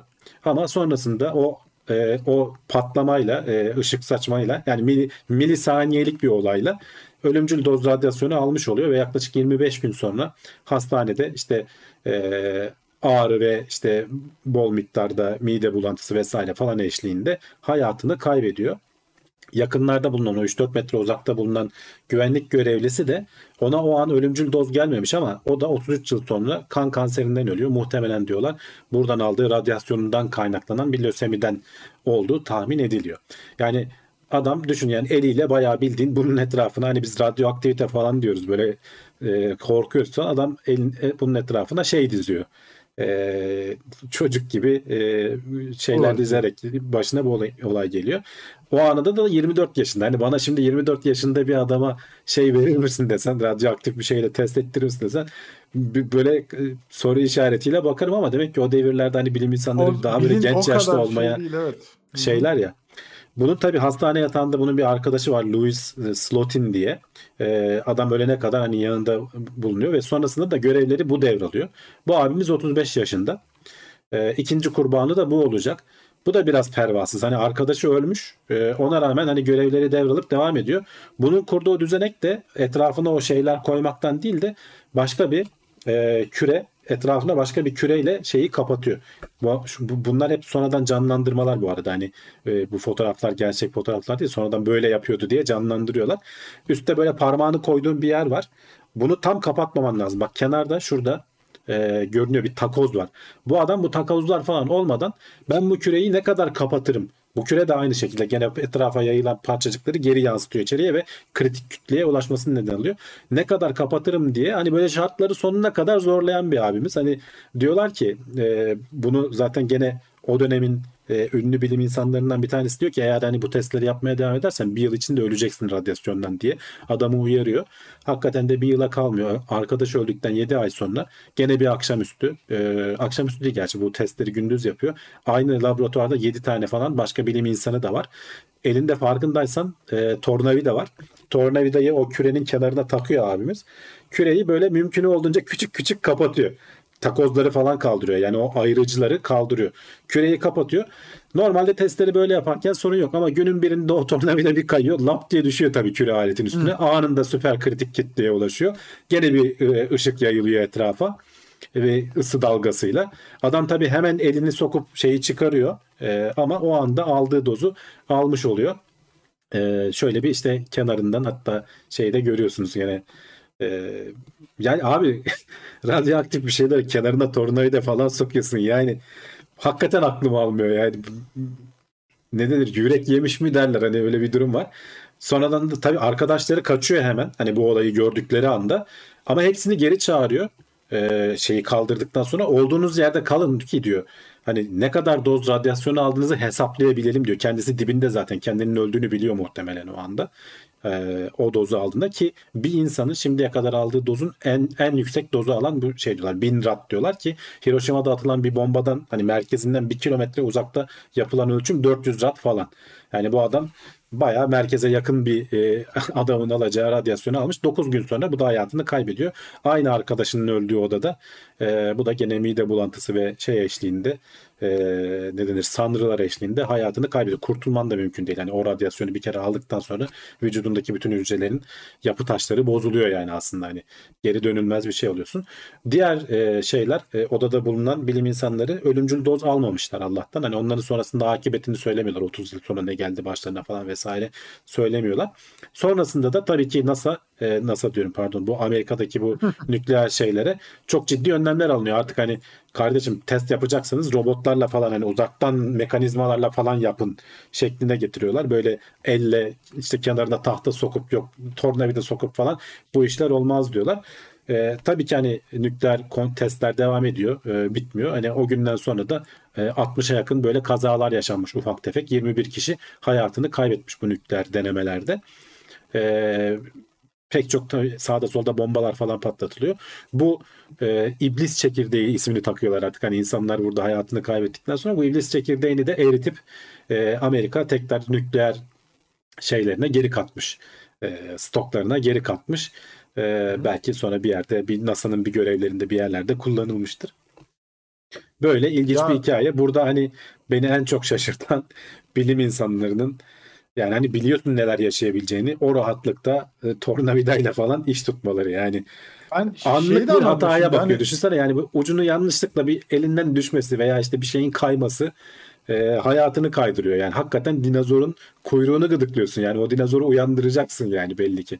Ejderhayı Orada pardon. 8 kişi var o, o anda. Yani bunun 8'inin de Aklı havada mı ya ben anlamadım ki yani bir kişi onu yapıyorken. Öyle demek ki işte ben, onlar da yürek yemiş. Ne yapıyorsun dışarı, diyorlar. Dışarı giderim herhalde yani o yapacak olsa bile. Dışarıda ama. Tüpçünün çakmakla test etmesi gibi demiş Özgün Çin'de. Hakikaten öyle. Şeyi yani. de anlamadım. Hani o o kadar yakında onların da ölümcül dozu almaması ilginç geldi bana. Normalde ya işte uzaklığın böyle... karesiyle ters orantılı ya. Ee, dolayısıyla hani koşarak kaçmak hani ne kadar saçma falan diyoruz ama aslında e, ne kadar uzak olsan o kadar iyi. Çünkü devam da edebilir. Eğer o adam hemen kendine gelip şeyi kaldırmasa odadan kaçmak mantıklı bir strateji aslında. Adam belki hemen etkilenip e, kaldıramayacak veya ne olduğunu anlayana kadar iki saniye daha geçecek. Çünkü o esnada radyasyon yaymaya devam ediyor. E, o mavi ışık da e, çok hızlı yayılan parçacıkların atmosferdeki parçacıklarla etkileşime girip onları çok hızlandırması ve onların tekrar enerjilerini sönümlendirirken etrafa ışık saçmasından kaynaklanıyor. Yani bir anlık o ışığı gördün mü zaten dünyanın kaymış demek. Eğer yakınındaysan, çok yakındaysan. Yani adam hakikaten şimdiye kadar tarihe de geçmiş işte. Biri 24 yaşında, biri 35 yaşında. Gencecik adamlar yani. Dart'ın bir yorumu var. Fotondan koşarak kaçmak. evet. yani ilginç bir yapı. Gerçekten. Ee, ya o zamanlar herhalde demek böyle işliyormuş ya sistem. Hani o kadar insanlar Ya işte onu diyorum yani biz hani böyle nükleer bilmem ne falan diyoruz ama adamlar bayağı bildiğin sanayideki usta kafasıyla hani bunlar bilim insanları her biri böyle çok önemli şeylerden mezun olmuşlar. Akıllı adamlar yoksa yani 24 yaşındaki adamı Amerika'daki bir ton bilim insanı arasında seçip oraya getirmezler. Bak ne dedim aynı yerde görev yapan Feynman gibi işte e, biri daha vardı ya gene çok ünlü adamlardan biri bulabilirsem onu da söyleyeceğim.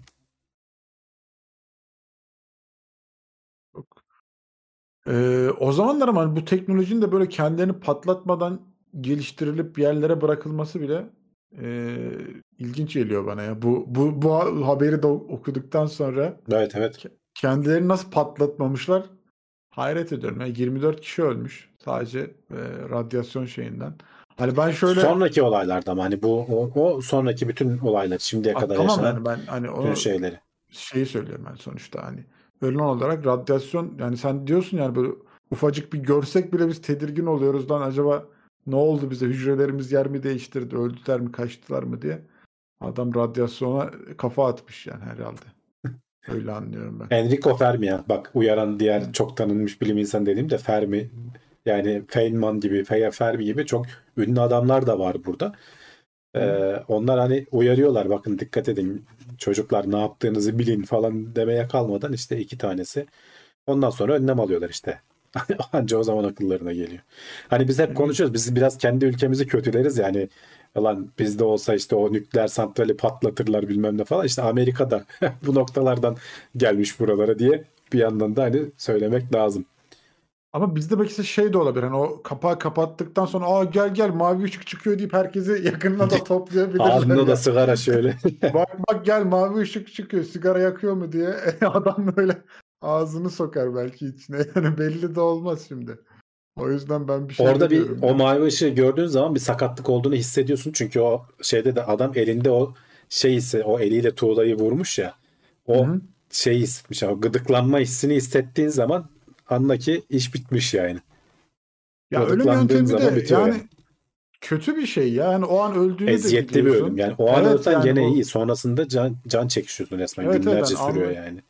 Yani kusma bilmem ne mide bulantısı vücudun kendini yemesi hani bunlar tehlikeli zaten işte hani bu eee, şeyin etkilerinde de var ya bu radyasyonun kalıcı etkilerinde de işte hani insanı bu hücren hücren zarar görüyor yani yapı taşların tabii zarar canım. görüyor öyle parçalanıp gidiyor Eee, sıkıntılı durumlar yani bir de bu şey vardı ya ne gazıydı o da yasaklanmıştı savaşta kullanılması bir şey gazı atıyorlardı Klor mu? Klorin. Öyle bir şey ya başka bir şey de diyorlar herhalde de mesela o da gene hani insan vücudunu yok etme üzerine Hı. böyle içten içe parçalama üzerine. Yani zaten hani kimyasal silahlar sarin, falan sarin aslında gazı evet. Sarin, Sarin gazı tabii. hardal gazı evet onlar. Onlar da mesela hani sıkıntılı yani hani bu kimyasal olan bölüm e, harbiden savaşı savaştıktan çıkarıyor. Bence farklı bir noktaya getiriyor. E, ya radyasyon bence bulaşma. Yani adamlar o yaşta neler yapmış hala şaşıracak Yani bir durum aynen. günün sonunda. Ee, evet bakalım haberimiz kaldı mı? Ya, Yok, bitirmişiz haberleri bitirdik. haberlerimizi. Evet güzel. Yine en azından buraya kadar geldik. Ee, az çok sohbet edecek, üstüne konuşacak haberlerimiz vardı ama kimse bir yere ayrılmıyor. Neden? Çünkü e, spor videoları gelecek. Ardından neler gelecek? Soru cevap, e, işte muhabbet, sohbet onlar gelecek. Yayını beğendiyseniz aşağıdan bir beğen tuşuna basabilirsiniz her zaman olduğu gibi. TeknoSeyir'i takip edebilirsiniz. TeknoSeyir'i desteklemek için katıl aboneliğinden abonelik de sağlayabilirsiniz. Bütçenizin el verdiği bir ücrette diye hatırlatmış olalım. E, sponsor geliyor. Hemen ardından buradayız. Kimyasal silahlar yasal değil zaten demişler de işte uluslararası bir yasa diye bir şey olmadığı için insanlar Hı hı. e, yapıyor ve yanına eğer güçlüyse yanına kar kalıyor. Güçlü değilse e, o zaman işte uluslararası adalet divanında falan yargılanıyor günün birinde. Ama yani ne yapacaksın ki adamın canını alsan ne olur? Bir sürü yüzlerce insan hayatını kaybetmiş oluyor. Yani çok eziyetli bir şekilde.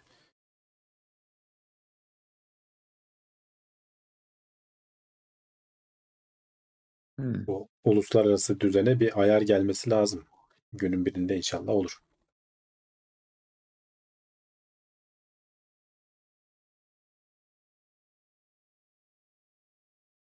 Başka neler varmış? Hepsi kılıfına göre uyduruyor. Orası söyleyeceğim. Ona bir şey zaten Evet. demiyoruz. Savaş suçu o da kesin.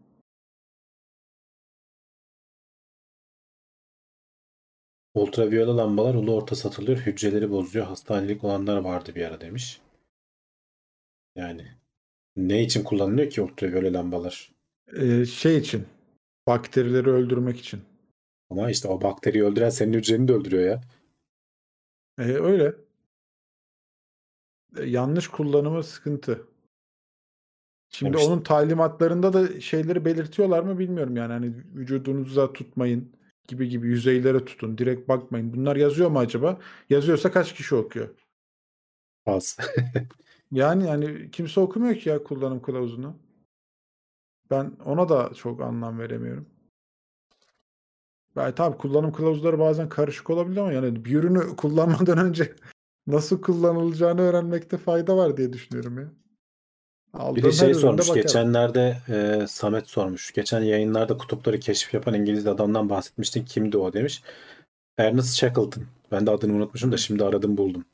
Şuraya da hatta nasıl yazıldığını da paylaşayım. Ararsanız bakarsınız. Onun da çok acayip bir hikayesi vardı hakikaten. Zaten geçen haftaların haberleri miydi? Neydi ya? Çok yok ya biraz oldu değil mi üstünden onu konuşalı. Çok oldu canım bayağı oldu.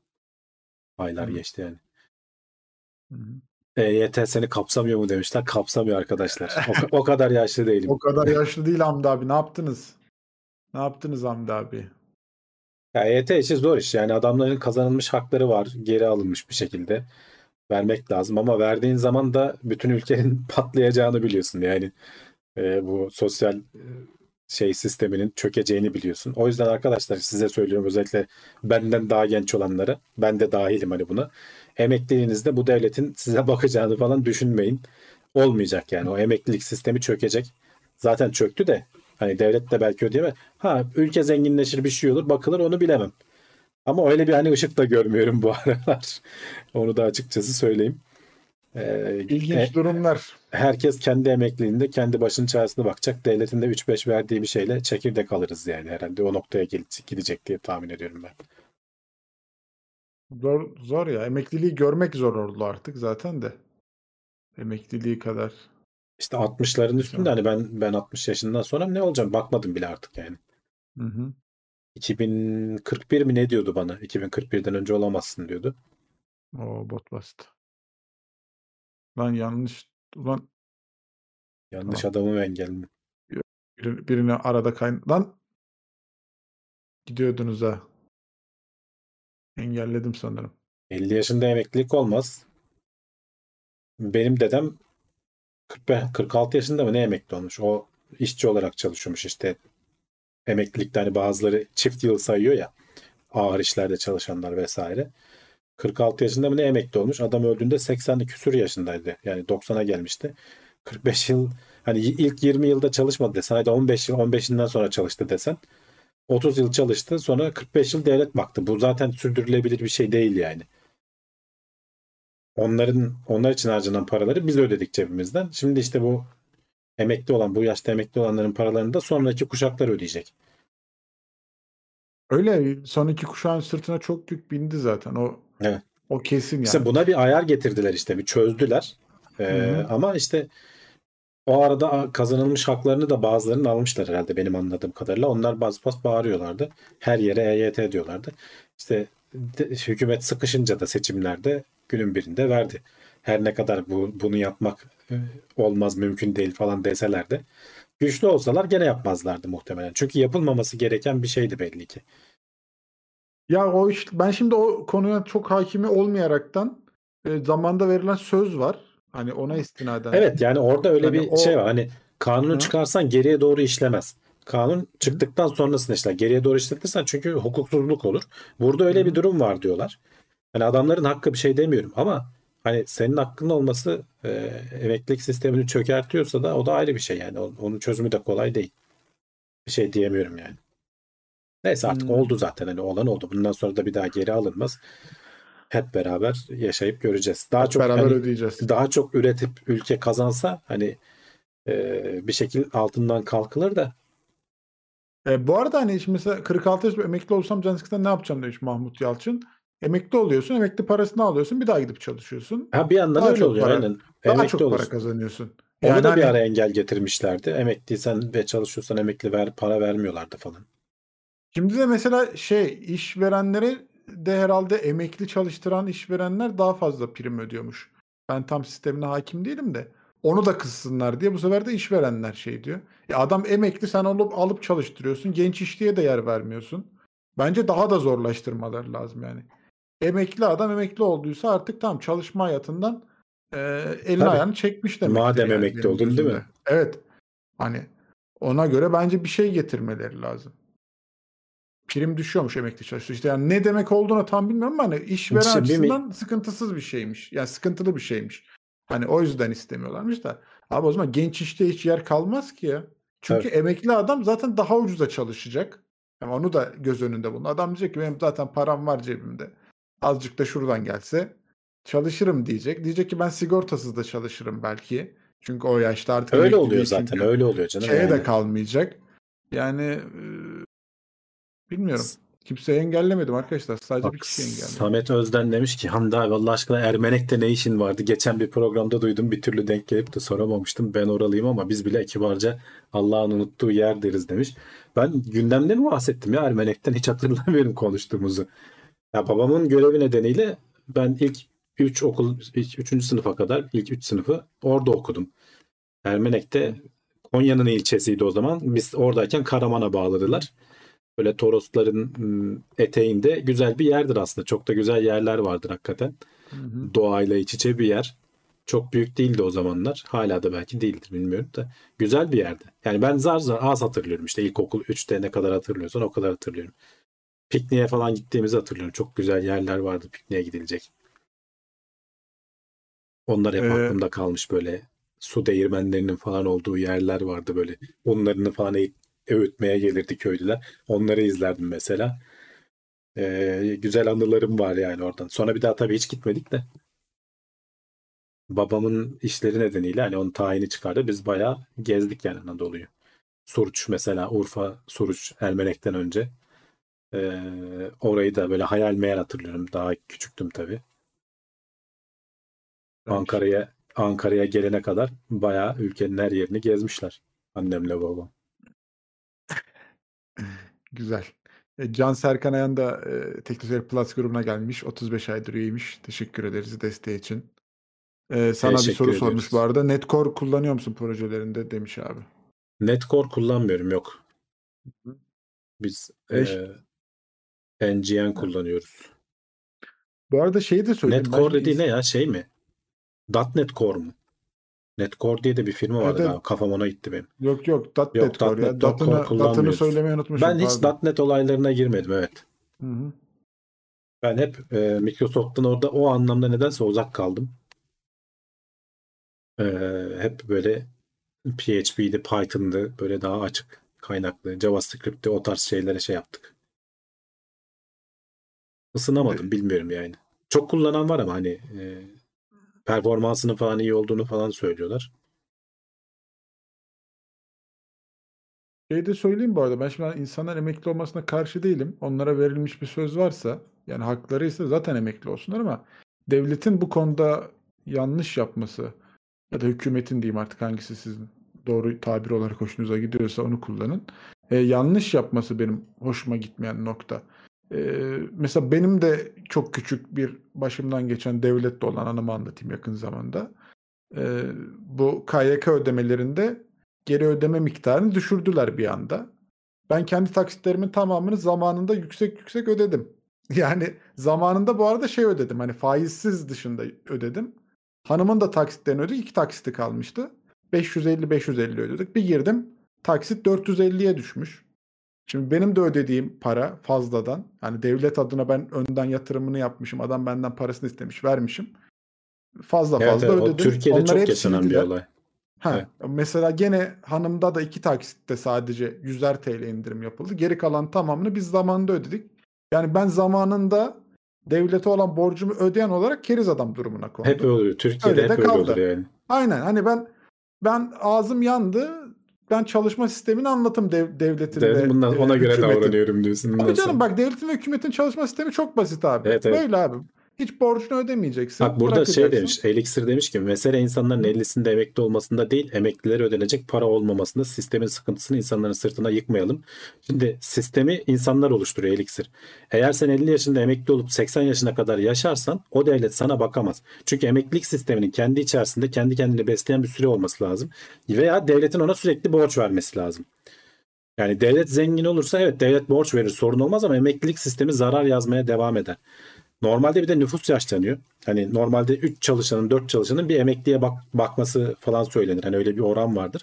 Nüfus yaşlandıkça çalışan sayısı da azalıyor. Emeklilerin sayısı artıyor. Ömür de uzuyor.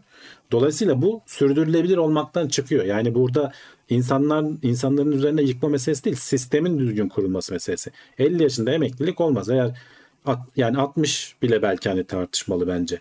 Yani insanlar ayakta kalabildiği sürece e, çalışmalılar ki bazı ülkelerde öyledir. Mesela Güney Kore'de falan eğer sonradan değiştirmedilerse emeklilik sistemi yok adamlarda.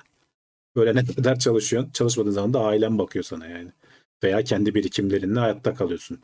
Özel sigorta yaptırabilirsin. Hani bunu açık önü. Devletin sistemi yok ama özel sigortalar olabilir. Nasıl bizde hani BES falan var emeklilik sistemine para yatırıyorsunuz. Sonra sana maaş bağlıyor. Hani biz Avrupa'nın yaklaşımını tercih etmişiz ama burada da işte dediğim gibi sistemin düzgün kurulması lazım yoksa çalışmaz. Hani ne kadar devlet ne yaparsa yapsın çalışmaz. Sıkıntı ya. Vallahi yani o ben diyorum yani bir gençlerin sırtına ciddi bir yük bindi. Nasıl olacak, nasıl bitecek? Ee, işveren açısından da belki daha mı çok kesintiler yapılmaya başlanacak o prim ödemelerinden. Millet indirim bekliyor ama belki daha da fazla olacak ileride lazım olacak devletin kasasına para. Hani olmayan parayı dağıtmak kolay geliyor bence şu an. Evet. Yani bu biraz işte demokrasinin bug'ı dediğimiz nokta. Yani popülizm ister istemez oluyor. Çünkü sonuçta kazanamıyorsun seçimi. Düşünsene o son noktaya kazanamadığın zaman gidiyor. Orada işte kim ne veriyorsa ben biraz daha fazlasını veriyorum mantığına girme, girdiğin zaman güçlü değilsen iktidar olarak e, yapacak bir şey yok. Daha iyi bir sistem de yok. Hani onu da söyleyeyim. Başka sistem hani onu da e, en baştan konuşalım. Demokrasi dışındaki sistemlerin de başka başka sıkıntıları var. Demokrasinin böyle bir popülizm sorunu var. Bunu nasıl çözebilirsin? Hani halkın eğitilmesiyle vesaireyle falan. Hani halkın uzun vadede kendinin zararına olacağını, çoluğunun çocuğuna zararına olabileceğini anlayıp ona göre davranması lazım. Ercan demiş ki bak işsizlik fonu gibi bir şey kurulsa ya zaten emeklilik fonu işsizlik fonu gibi bir şey aslında. Ama Daha öyle, farklı evet. bir şey değil. Yani emeklilik fonu diye geçiyor. Zaten onun kendi içinde kar etmesi lazım. Senin yatırdığın paraları biz- bizden maaşımızdan kesilen paraları bu adamlar işletiyorlar. Bu fonlar sonradan işte sana geri ödeme yapıyor. İşsizlik fonu da aynı mantık yani. Bunlar çok farklı şeyler değiller. Şimdi Tunner Budonur demiş ki en güzeli kendin biriktir. Biraz borsa, biraz altın, biraz da döviz ama mecburen Ama çalıştığın onu herkes sürece, yapamıyor işte. e, ama zaten çalıştığın sürece SGK'ya bağlısın yani. Senin maaşından İşte kesinlikle şimdi yapıyorlar. o kanunen hani zorunlu olduğu için devlet. Ama hani diyelim yani. ki onu kaldırdık. Herkes kendi birikimini yapsın. Yapamıyor insanlar. Yani elinde para olduğu zaman harcıyorsun. Azıcık bir de yatırımını oraya yap, buraya yap bilmem ne falan hani ona giremiyor. O yüzden işte BES emeklilik sistemini getirdiler ki en insanlar para biriktirsin. Sonradan işte şey, devletin verdiğinin yanında bir de ek gelirleri olsun falan. Ona bile katılım bayağı düşük. E, zorunlu besten çıkış çok fazla ya. Hani Evet. zorunlu bes ilk ayında herkes iptal ettiriyor genelde. Ya şeye güvenmiyoruz. Hani onu da göremiyoruz. Hani bu uzun vadede çok küçük küçük şeyler çok büyük sonuçlar doğurabiliyor. Hani bu compounding işte bileşik faiz hikayesi vardır ya. Her her gün yüzde bir daha iyi olsan bir yılın sonunda 35 kat mı ne daha iyi oluyor. Yani acayip bir rakama ulaşıyor yüzde birlik kendi kendine tekrar birleşmesi. Bunu anlayamıyoruz. Yani her gün kenara 1 lira at 30 yıl sonra o 1 liralar acayip bir şey olacak diyorsun. Veya Ama işte Peki enflasyon e, 70 kat e işte artarsa tabii işte e, ona göre 35 kat mantıklı olur mu abi? Olmaz. Olmaz tabii. Hani Olmaz. Öyle yüzden- öyle handikapları da var işte. Evet yani ben kendi besimi iptal ettirdim. Çünkü bir mantığı kalmadı. Hani ne getirdi ne götürdü. Hatta para boşa gitmiş oldu benim gözümde yani. Evet. Onu alıp o zaman kullansam yatırım olarak da değil yani malzeme alıp koysam. Ki devlet desteği vardı bir de değil mi? %25 falan devlet para veriyordu oradan. Hani hiçbir bir getirisi yok ki ya %25 bugün enflasyon %50 sen %25'ini versen ne yani? Anladın mı? Ee, O yüzden yani. hani dediğim gibi e, şey yapmaya kendi ayağımızdan asılacağız arkadaşlar emekli olduğumuzda. Aklınızı başınıza alın. Şimdiden kendiniz mi biriktiriyorsunuz? işte BES mi yapıyorsunuz? Bir şey yapın yani. Bir kenara atın yani. Daha daha emekliliğe var diye düşünmeyin. Res- devlet için o kasadaki parayı kullanıyor. E tabi canım işte. hani Ya bu fonlar genel hani devlet için değil. Bu fonlar aslında hani insanların birikim yapması istenir ekonomilerde. Çünkü bu biriken paraları bu fonlar gidiyorlar değerlendirmek adına işte girişimlere yatırıyorlar, bir yerlere yatırıyorlar, kredi olarak veriyorlar bazılarını. Bankalar falan da hani çalışma mantığı öyledir ya. Her gelen parayı harcarsan eee, yatırımlara yapacak pa- şey bulamıyorsun.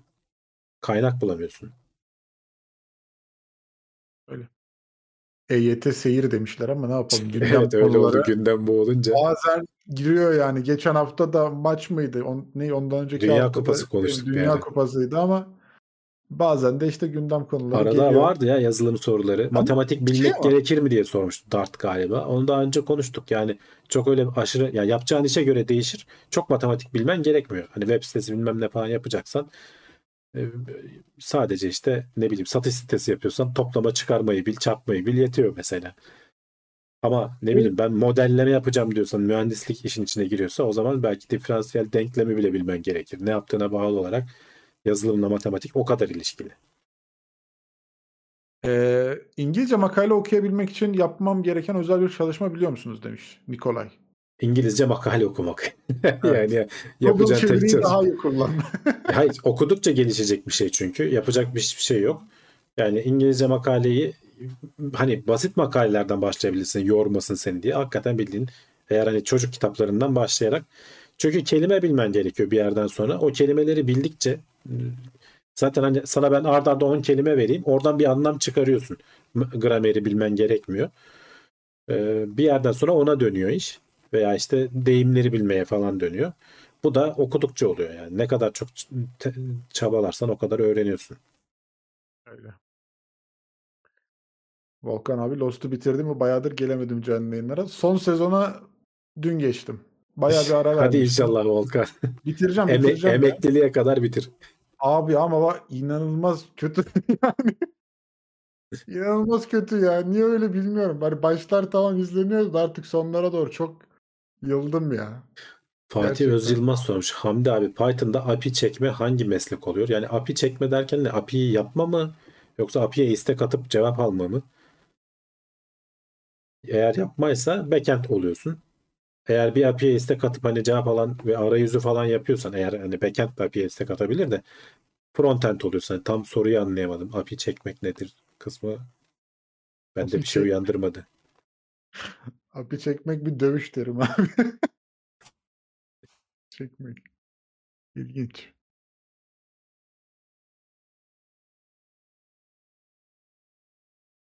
Ya işte eğlenceli şeylere başlayıp oradan okuya okuya ilerletmek lazım. Hani bu benim paylaştığım haberleri bile okuyabilirsin mesela.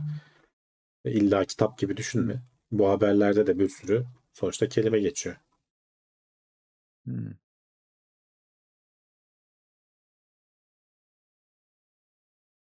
Hamdi Bey'i pek göremiyoruz. Neler yapıyor? Yani bir şey yapmıyoruz. Buradayız işte her hafta. Pazartesileri gelirseniz burada oluruz yani. Görüş- Buradayız. Pazartesileri görme imkanımız Bol bol var. görebilirsiniz Görüş bir günü. buçuk saat. Görüş günümüz. Onun dışında hani bir yazılım firmasında çalışıyorum işte. Aynı işlere güçlere devam. Ödül alma. Ödüllere katılma. arada bir ödül alma. Televizyona çıkma bazen. Abi, Hamdi abinin sevdiği işler. Güzel güzel. 2023 hedefimiz ne abi şimdi? Kendi hedeflerimizi neler planladın? Aa, ben hedef bize. hedef koymadım ya 2023. Nasıl ya, yok mu? Geliş, gelişine vuracağım ne öyle. olursa. İlginç. Ya yapamıyorsun ki. Hedef koyuyorsun. Olmuyor yani. Yapacaksan koy hedefi. Değil mi? Evet. Ben ben de yapmıyorum. O yüzden ben de koymadım. Yalan değil. Direkt öyle ben de bodoslama. İş dışında Gel- sizi rahatlatan hobileriniz var. Volkan'ın bir hobisi var biliyoruz. Hepimiz biliyoruz. Tek Hobilerim. hobisi var Volkan. Bir de çiğ köfte yapmayı çok sever. Hayda bitti artık abi. O 2022'de kaldı. Hı? Bunları Şimdi geçerim. başka bir şeyler mi yapıyorsun şu anda? Şu an yeni gözlem robot süpürge aldım kendime. Gerçekten inanılmaz bir Onu, alet. onu mu izliyorsun? Şu an çok peşinde geziyoruz her gün. Ulan neler yapmış diyoruz adamlar. yani inanılmaz ya. Bugüne kadar niye alıp peşinden gezmemişiz diye. Evet sanki yeni bir kedi köpek çocuk almışız gibi. Değil mi? aynen aynen. Peşinde koşuyoruz. İşte aslında arada böyle besleyebileceğin falan da böyle küçük şeyler atabilsen Değil mi? bir ev hayvanı gibi takılabilir yani. Ya kendi gezme modu var. Bir de şey var şimdi uzaktan kumandayla sen de götürebilirsin. Şimdi çocukluk hayalimiz ya bizim uzaktan kumandalı arabalar Hmm. falan filan. Hani bilirsin. Onun ilk zaten versiyonu böyle bir metre ipli böyle iki tane tuşu olan ileri gerisi olan versiyonla yani biz onlarla O gene iyi. Sen böyle- şeyi bilir misin? Ee, o? böyle plastik arabayı tel sokarsın üstten ön tekerine bağlarsın o teli. Sen hiç oynadın, oynadın mı onunla? Onu gördüm de oynamadım o Yani kadar o, yani. o tel böyle sert bir tel işte. Ucunu da yuvarlak direksiyon yaparsın. Onu böyle süre süre gidersin. Uzaktan kumanda bizim Onun- zamanımızda oydu. Onun bir gerisi de şey böyle çember olur bir tane. Ucuna gene böyle halkalı bir uzun çubuk takarsın. Çemberi böyle sürerdin. Ya o ayrı Öyle o şey çember. Ben ben uzaktan kumandalı araba deyince hani çember ayrı. anladım. O bilindik bir Evet. şeydir aslında. Çember hani yuvarlayarak gidersin de. Da hani daha da geriye gidersem hani onlarda bile biz böyle olan ulan nasıl teknoloji derken şimdi robotu böyle elimle e, kontrol etmek şey yapıyor yani ya ulan neler yapmışlar heyecan duyuyorsun. Biraz geri mi kaldık diyorsun ama olsun yani. Chat GPT'den sonra hala aynı, aynı seviyede yazılımın geleceği parlak diyor musunuz? Şu kodu yaz diyenlere hatasız kod veriyor izlediğim videolarda. Ya evet doğru söylüyorsun. Yani bu işi bayağı kolaylaştıracak. Hani hakikaten iyi tanımlıyor, tamamlıyor kodu. Ee, ama illaki bir henüz yani bir noktada senin müdahale etmen gerekiyor. Nereye kadar böyle devam eder bilmiyorum. Çünkü ona hep söylediğim şey de o. Yapay zeka o kadar hızlı gelişiyor ki 10 yıl sonra nereye varacağımızı ben kestiremiyorum açıkçası. Yani o yüzden hani hala yazılım diyebilirim ama en iyi iş diyemem ama şöyle hani şeyi falan kesin silecek zaten hani kasiyerlikti işte böyle call center'lıktı falan onları zaten siliyor. Şimdiden siliyor yani. O yüzden yazılım gene nispeten kendini geliştirirsen hani kritik yerlerde durursan falan Hı hı. e, önü açık olabilecek işte taksicilikti bilmem neydi hani bu sürücüsüz arabalar falan oluyor yani bunlar ufak ufak geliyor. Polisten bile kaçıyor baksana hani artık. Güzel. Yazılım süreci nasıl gidiyor? Şu an şey bekliyoruz işte maaş zammını. Kötü olursa bir daha başlayacağız. Şey oluyor ya konuştuğumuz haberdeki gibi can sıkıntımız çok olursa maaş zammından sonra kendimize bir uğraş bulacağız. Yani Bir daha bir ya bir 20-30 yıl sonra illaki belki şimdi hiç düşünemediğimiz meslekler çıkacak. İşte mesela az önce diyorduk ya mindfulness haberi vardı. Mindfulness koçluğu çıkacak mesela. Belki işte insan çünkü hani yapay zeka belki tatmin etmeyecek. Karşısında gerçek bir insan görmek isteyecek. İnsan yüzü hani biz sosyal canlılarız ya henüz daha evrimleşemedik o kadar. Bir insan fiziksel bir insan görmek isteyecek. O yüzden mesela öyle meslekler alıp başına gidebilir. Hiç şu an düşünemediğimiz belki bambaşka bir şey çıkacak. O yüzden esnek olmakta fayda var. Yaratıcı olmakta fayda var. Pek çok alanda hani tek bir şeye çok derinlemesine odaklanmak yerine belki birden fazla konuda az da olsa hani derinliği az da olsa uzman olmak yani uzman olmaya çalışmakta fayda var. Çünkü onları birleştirip belki bir şey çıkarabilirsin. Yani bütün sepeti şey bütün yumurtaları bir sepete koymamak gibi bir şey söylüyorum aslında. Robot, Roborock aldım ya. Q7 Max. Almışken iyi bir şey olsun. CRM programcılığını kimse bilmiyor demişler. Evet. Var öyle meslekler. CMM nedir ben onu bile bilmiyorum o kadar. Ölçüm. o kadar. Ee, hassas ölçüm programı Hı. ya.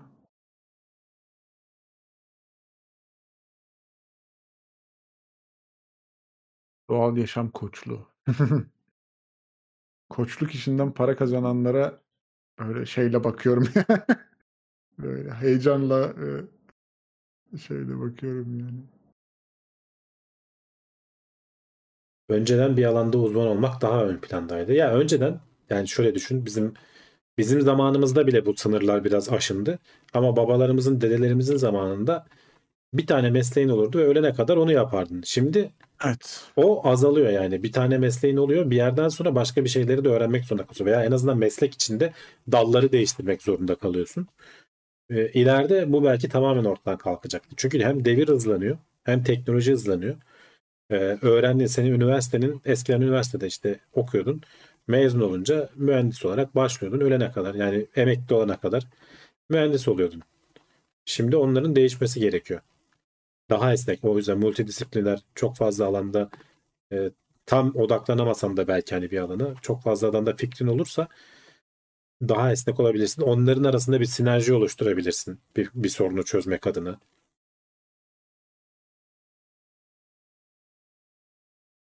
Görkem Kasapoğlu demiş ki Bloomberg HT yayınları öncesi bilgi verirseniz iyi olur. Olabilir. Ee, şeyde yazarım aslında sosyal medyada falan. Ama nedense Abi te- son sefer aklıma gelmedi. Televizyondayım. Canlı yayındayız gençler gelin ama gerçi yayında. orada yorum morum olmuyor. Olsun. Gerçi canlı herhalde YouTube'dan da yayınlanıyordur onların yayını vardır.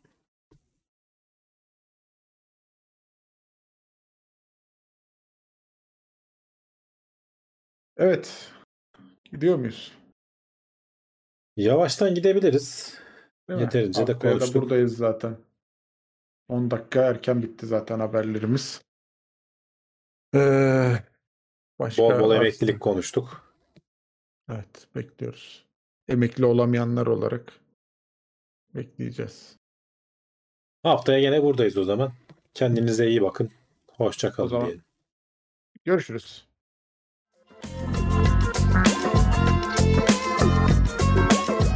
Tailwords teknoloji ve bilim notlarını sundu.